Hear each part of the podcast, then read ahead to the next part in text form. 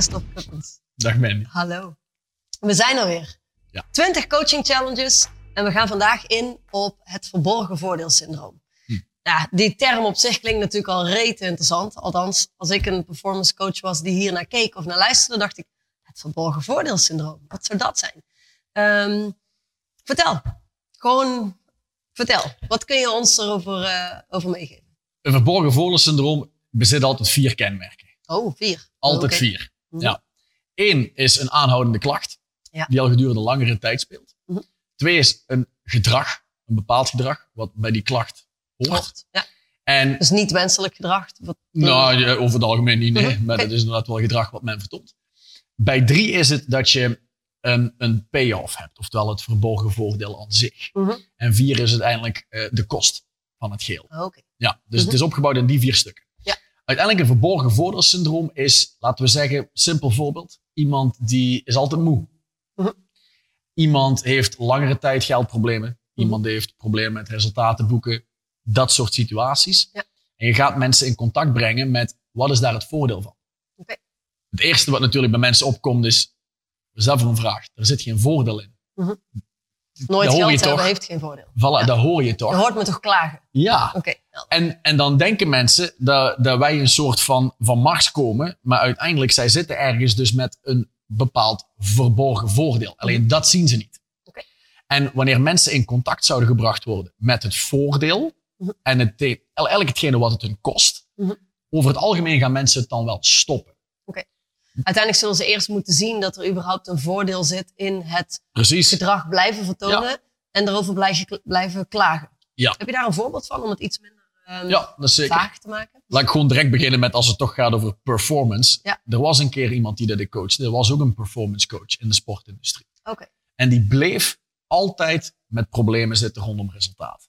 En dan moet je wel denken aan, hij deed belwerk, naar zijn eigen zeggen. Dus hij deed zijn lezingen. Businessresultaat. Business had vast geen moeite met een sixpack eh, creëren. Nee, daar had hij inderdaad geen last van. Inderdaad. Als je hem voorbij zag lopen, dan dacht je, dat is goed geregeld. Ja. Maar de interne keuken, dat is iets anders. Mhm. Dus hij bleef klagen over resultaat. Maar ik denk dat we, ik denk oprecht dat we zes weken ver waren. En toen dacht ik, nu is het goed geweest. Ja. Dus ik zei ook tegen hem, gewoon op de man af, wat is nu uiteindelijk het voordeel wat jij hebt bij continu te klagen over het feit dat je geen resultaat hebt? Logische reactie. Die vraag stel Ja, je gewoon rechtstreeks die vraag gesteld. Ik bedoel, op een gegeven moment moet het stoppen. En als Mhm. iemand zo'n hoop spieren heeft, dan moet je ook met een tanker doorrijden. Ja. Dus hij zit daar en hij is wat stil. En je hoort iemand aan de telefoon gewoon, ik noem het altijd, in zijn hoofd klikken. Mhm. En die zit daar dan. Hij zegt, Christophe, er is gewoon geen voordeel. En ik snap ook niet waarom je mij wilt, wilt laten vertellen dat er een voordeel is. Wat een vraag. dacht Wat een hij, vraag. Hij werd ook lichtjes pissig. Mhm. Ik zeg, oké, merk gewoon op wat er gebeurt. Want is dit gedrag wat je herkent? Dat als iets niet loopt, zoals niemand zegt ja, of je krijgt een ja, maar ze trekken zich terug, word je dan ook vervelend zoals je nu doet. En drammerig. Ja, Hoezo? ja, en, ook, en in één keer wordt hij een soort van wakkerder. Hoe Ja. wakkerder dan aan het begin van het gesprek. En hij zegt op dat moment: Ja, maar ja, hoe kan het zijn dat dat toch blijft? Ik doe toch wat ik moet doen. Ik zeg: Vertel mij dat eens. Hoe kan het zijn dat dat zo blijft? Wat haal jij hieruit? En dat dat zo blijft, daarmee bedoelde hij dat hij geïrriteerd wordt en pusherig wordt. Ja, en dat er geen resultaat is. Ja. En hij zegt: Ik heb geen idee. Mijn vraag is dan natuurlijk wel als je wel een idee zou hebben. Oké, logisch. Beste vraag ooit. Beste vraag ooit.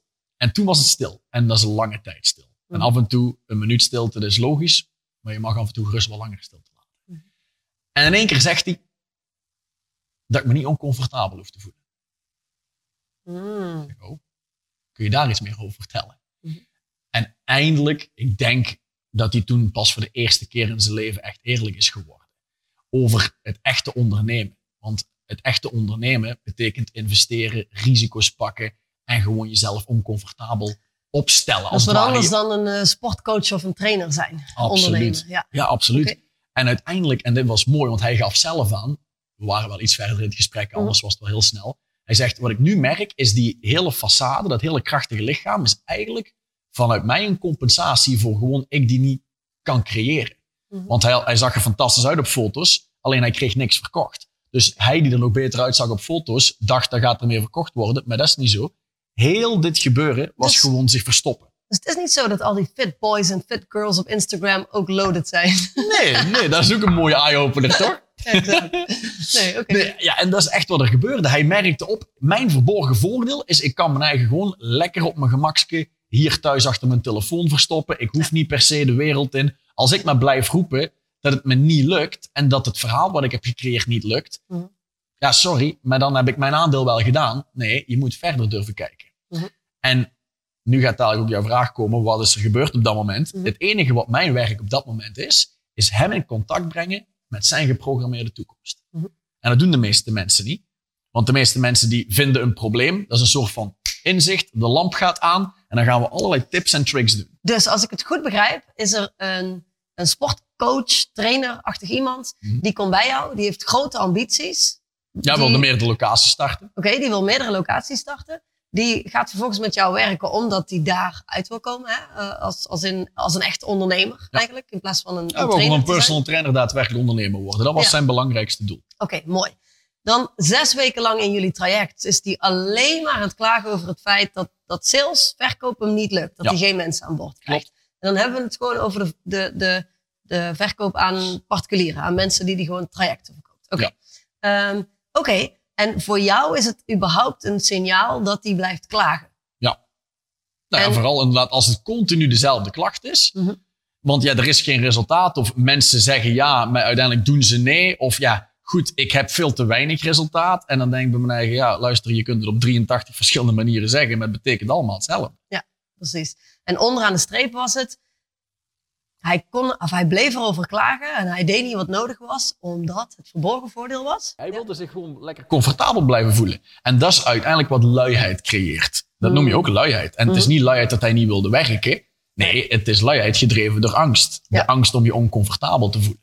En dat echt, echt veranderen, transformeren is een beter woord, Mhm. op een diep level, ja, dat aanzien wij, zeker onze interne stem, als Heel er gaat iets sterven. Ja. Ja. Want dan in één keer kunnen we niet meer die comfy boy blijven. Dan moeten we daadwerkelijk echt onszelf gaan heruitvinden. Dus je kunt een fantastisch lichaam hebben en alles kapot trainen. Tegelijkertijd Mr. Personal Trainer betekent niet dat je ook Mr. Ondernemer bent. Nee, dat is mooi inderdaad. Je kunt heel gedisciplineerd zijn ehm, op één gebied, maar de andere gebieden van je leven kun je dan heel bang jongetje zijn die eh, thuis achter zijn laptopje mooie Instagram posts maakt. bijvoorbeeld. Voilà. Ja. Oké, oké. Ehm, Even los daarvan trouwens, want nu dat je dat zo zegt. Dat ging allemaal goed, hè? En een hoop likes en alles erop Ja, en ja, eraan. Die zag er ook top uit, zijn post, Ja. hè? Ja, Ja. dat was altijd top. ja, dat geloof ik. Dat noem je hide behind activities. ja, Ja. dat is eh, het tegenovergestelde van de kernactiviteiten die gedaan moeten worden. Absoluut. Ja. Oké. Hey, dus, dus er is zo'n moment dat jij denkt, ja, oké, en nu ben ik het beu. We, zitten, we zijn nu al zes weken bezig. Ik hoor zes weken lang dezelfde klacht. Ja. Hier gaan we niet mee vooruitkomen. Hier gaan we al helemaal niet bij verschillende vestigingen komen, want we krijgen deze shit niet in zijn orde. Klopt. En jij gaat daar samen met hem naar kijken. En toen kwam het moment, de epiphany, dat hij zag, holy shit, ik wil gewoon niet oncomfortabel zijn. Ja. Ik ben eigenlijk gewoon een angstig, bang jongetje, wat bepaalde gesprekken niet aandurft te gaan. Ja. En toen? Wat gebeurt er dan? Als iemand dat daadwerkelijk gezien heeft. Ik weet natuurlijk uit mijn ervaring, de eerste stap is dat iemand het überhaupt ziet. Ja. Dat iemand dat verborgen voordeel ziet. En vanaf dan heb je gewoon twee keuzes. Of je kunt in stand blijven houden de klachten en al het gezever. Mhm. Of je kunt ervoor gaan om daadwerkelijk te beslissen: oké, dit stopt nu. Je moet uiteindelijk iets hebben waarvan je echt kunt zeggen: hell no tegen deze geprogrammeerde toekomst. Ja. Want zijn belangrijkste stap was van particulieren naar daadwerkelijk ondernemers gaan en programma's krijgen. Oké. En dan moet je ook nog weten dat de volgende stap is: andere, in dit geval franchisehouders, creëren, waar ook al ondernemers zijn. Mhm.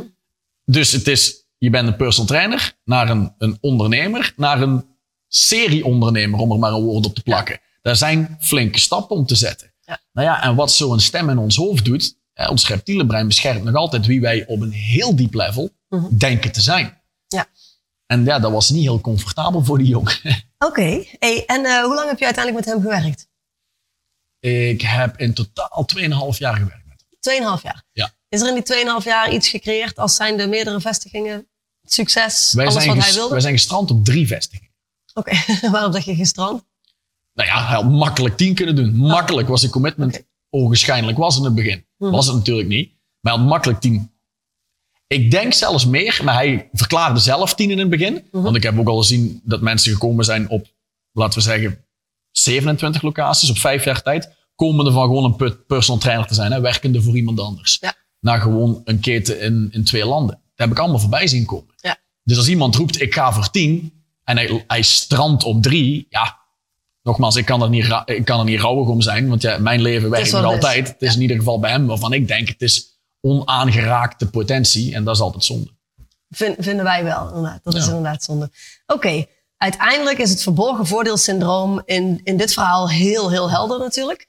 Ehm, waar kun je het aan herkennen? Dus als coach zijnde, je hebt een cliënt. Ehm, wat, wat zou een signaal zijn dat jij zegt, oké, daar heb je grote kans te maken met een verborgen voordeelsyndroom? Als iemand spreekt over iets waar het op lijkt dat hij er zelf niks aan kan doen. Oké, Ook daar kan ik er heel veel van geven, maar ik, ik hoor deze best wel veel. Namelijk, ik heb geen geduld. Hm. Dat is er eentje die ik best wel veel hoor bij ondernemers. Ja. We werken natuurlijk met gasten die vooruit gaan. En die snappen dat tijd hun belangrijkste bezit is om mee te creëren. Ja. En dan hoor je heel vaak dat dingen bijvoorbeeld verkeerd zijn gelopen. Waarom? Ja, ik had geen geduld. Hm. Ja, dat duurde mij te lang. Ja, dat ging niet snel genoeg. En dan gaan we dus inzoomen op, oké, maar wat is het verborgen voordeel achter jij die kunt blijven zeggen, ik heb geen geduld. Nou ja, en dan is het heel uiteenlopend wat je daar ziet. Bij de ene is het puur een machtsspelletje wat die probeert te blijven spelen. En bij de andere is het, ja, ik kan mijn mening gewoon doordrammen. En dan hoef ik niet inderdaad te luisteren naar de mening van drie andere mensen. Het is gewoon, it's my way or the highway. Ja. Dus je zou kunnen zeggen, ehm, uiteindelijk, iemand vindt zijn gelijk krijgen belangrijker dan gezamenlijk iets te creëren. Ja. Want eh, ik heb al eens ooit de uitspraak gehoord van Werner Erhard. En die uitspraak die luidt dus, people will rather be right than happy. Ja. En ook dat is het. Als ik namelijk blijf zeggen dat de klacht waar is, Mhm. en jij kunt mij van alles laten zien langs allerlei kanten en mij in contact brengen met een ongewenste geprogrammeerde toekomst. Maar ja, als ik jou en wat jij zegt blijf fout maken, maakt mij goed. dat is correct. En dan hoeft er niks te veranderen, dus mijn verborgen voordeel kan lekker blijven. Maar pas als iemand echt in contact gebracht wordt met de gevolgen, en ik denk vooral dat ik het moet zeggen met de kosten. De kost in levenskwaliteit, de Ja. kost in aliveness, in, in, in goesting om te leven. De kost in geld in het bedrijf, de kost in impact op je omgeving. Maar mensen denken gewoon over het algemeen zover niet na. En de meeste coaches die ik zie, kunnen ook niet überhaupt mensen met die toekomst in contact brengen. Die denken ook zover niet na. Maar nee, Nee. Is er een, eh, een opdracht die je ons mee kan geven bij deze coaching challenge? absoluut. Kijken wat jouw eigen klachten zijn. Oh, Kijken waar je zelf over klaagt. Mhm. En gewoon eens durven op onderzoek gaan. Ik noem dat introspectie plegen. Mhm. En dan ga je gewoon kijken, wat is het verborgen voordeel wat hieraan gekoppeld zit? En één belangrijk ding, want mensen maken nog wel eens een keer de onwerkbare beslissing om dan dit te doen. Ik klaag over het feit dat ik veel moe ben. Ja, ja, het voordeel zou kunnen zijn dat ik dan uiteindelijk gewoon niet hoef te luisteren naar mijn partner als ik s'avonds thuis kom en gewoon kan gaan slapen. En dat zou kunnen. Dat ding met het zou kunnen, dat blijft heel open en een soort van niks whatever. Exact. Daarom, Ja. dus mijn verzoek is altijd om daarin te gaan staan vanuit, laten we hierin staan alsof dit het is. Mhm. Je moet het niet aannemen als de waarheid, maar stap er eens in, net zoals dat je schoenen aantrekt, passen, loop terecht in en kijk eens, als dit daadwerkelijk zo is, wat voor effect heeft het op de relatie met mijn partner? En dan komt het. Train jezelf en verder kijken. Op dat met mijn relatie met mijn kinderen. Of met mijn cliënten. Of wanneer ik dan wel of niet durf op te staan, bij wijze van spreken. Ik heb wel eens ooit meegemaakt dat ondernemers zichzelf in één keer begonnen te verklaren als ik ben een ochtendmens. Gewoon out of the blue. Jaren aan een stuk, 40 jaar, nooit vroeg opgestaan en in één keer, ik ben een ochtendmens. Dat heeft de kwaliteit van hun leven getransformeerd. Soms omdat ze gewoon kunnen gaan sporten, maar vooral vaak omdat ze tenminste dan wat tijd hebben voor een partner of een gezin. in plaats van. Ja, pas wakker worden als het echt nodig is, gauw gauw eten, de auto instappen, te laat komen of whatever voor onwerkbaar Ja. gedrag wat iemand blijft vertonen. En daar klagen ze dan ook nog vaak over en dan... Kom je in zo'n eindeloze cirkel van klagen terecht. Oké, oké, oké. Dus, ehm, in het kort, de opdracht is: ga eens niet bij je cliënten, maar vooral bij jezelf observeren. Waar klaag je veel over? Wat is een aanhoudende klacht die steeds opnieuw weer terugkomt? En het hoeft niet per se dagelijks te zijn, maar iets waar je al langer, als je heel eerlijk bent, over klaagt en wat steeds weer terugkomt. Um, de reden waarom je die opdracht meegeeft, denk ik, is vooral omdat het eigenlijk wel onmogelijk is om echt mensen in contact te gaan brengen met een verborgen voordeelsyndroom als je überhaupt niet dat zelf een keer doorleefd hebt. Helemaal waar. Helemaal waar, want anders dan ga je een bepaalde theorie overdragen. En ik snap heel goed hoe ik deze video ben begonnen met de vier punten waarop je het kunt herkennen. dat het heel goed klinkt om dat te gaan vertellen. Ja. dan ben je weer al een van de zoveel die een video bekijkt en het zomaar gaat overdragen. En je wil zeker als een high performance coach, wat gewoon hetzelfde is als een anesthesist. Mhm. Ik bedoel, alleen je bent niet met daadwerkelijk scalpers aan het werk, je bent met woorden aan het scalperen. Of whatever de gasten doen. Een chirurg bedoel je? Een chirurg, ja. Scalperen, dat is heel anders. Hoewel ik daar af en toe wel het idee van heb dat ik dat doe met mensen, maar goed. Ja. het komt er dus op neer dat als iemand daar daadwerkelijk mee in contact komt bij zichzelf, dan heb je die positieve what the fuck momenten. Ja. En als je dat hebt, dan pas in één keer zie je een soort van alsof de zee opent, zoals die Mozes dat ooit zag. En dan denkt hij, daar moet ik zijn. Tom, en daar zie ik het, en daar zie ik het, en daar zie ik het. Helder. Precies. Oké, helder. Dankjewel. Ons commitment is op het creëren van megakrachtige performance coaches, niet van papegaaien.